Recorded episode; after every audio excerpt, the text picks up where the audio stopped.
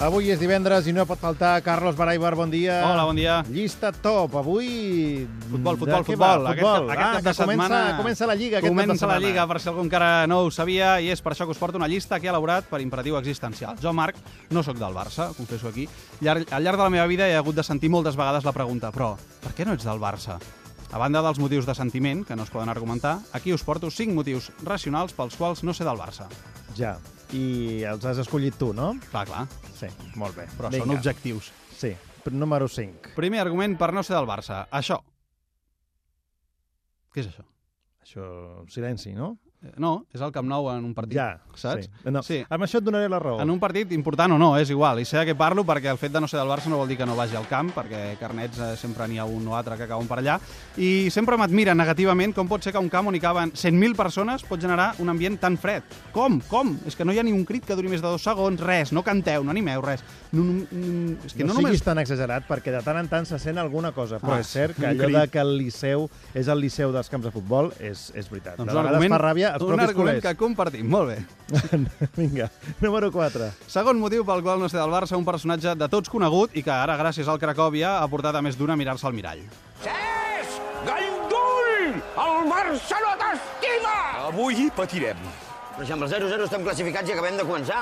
Sí, però el Messi no juga. Però juga el Cesc. Sí, però el Cesc no marca. Per això va fer un hat-trick contra el Mallorca l'altre dia. El bon tribunero és aquell que marxa abans que acabi el partit. 0-1. No us agrada res, tot està malament. Jo no sé si us, us recordes, però hi havia Però, un... Per què parles en, en, en segona persona? Perquè ets un culer tribunero, Garriga, ho sap tothom.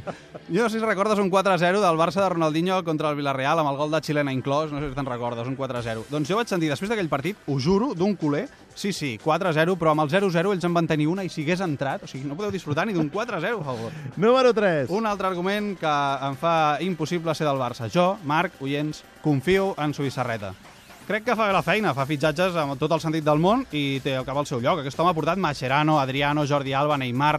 I jo quan era petit em vaig trobar Zubizarreta a la sala d'espera del pediatre. Des d'aleshores em cau bé, confio en ell. És un tio que té tot el meu suport. I això avui en dia vol dir que no sóc del Barça. Ni puc ser-ho. Número 2. El quart motiu que em fa que no sigui del Barça és perquè no li desitjo mal a altres equips. Ni tan sols al Madrid, no, mira. No sóc de voler desgràcies pels altres. Si juguen bé, que guanyin. A l'època de Mourinho sí que és veritat que feien ràbia, però era per ell, bàsicament.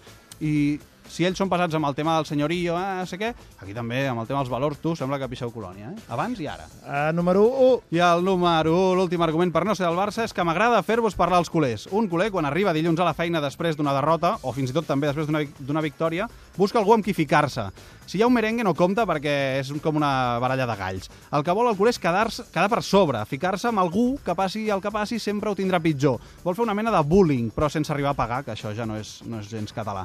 I el blanc perfecte per a aquest bullying, qui és? Qui és? Doncs el Perico.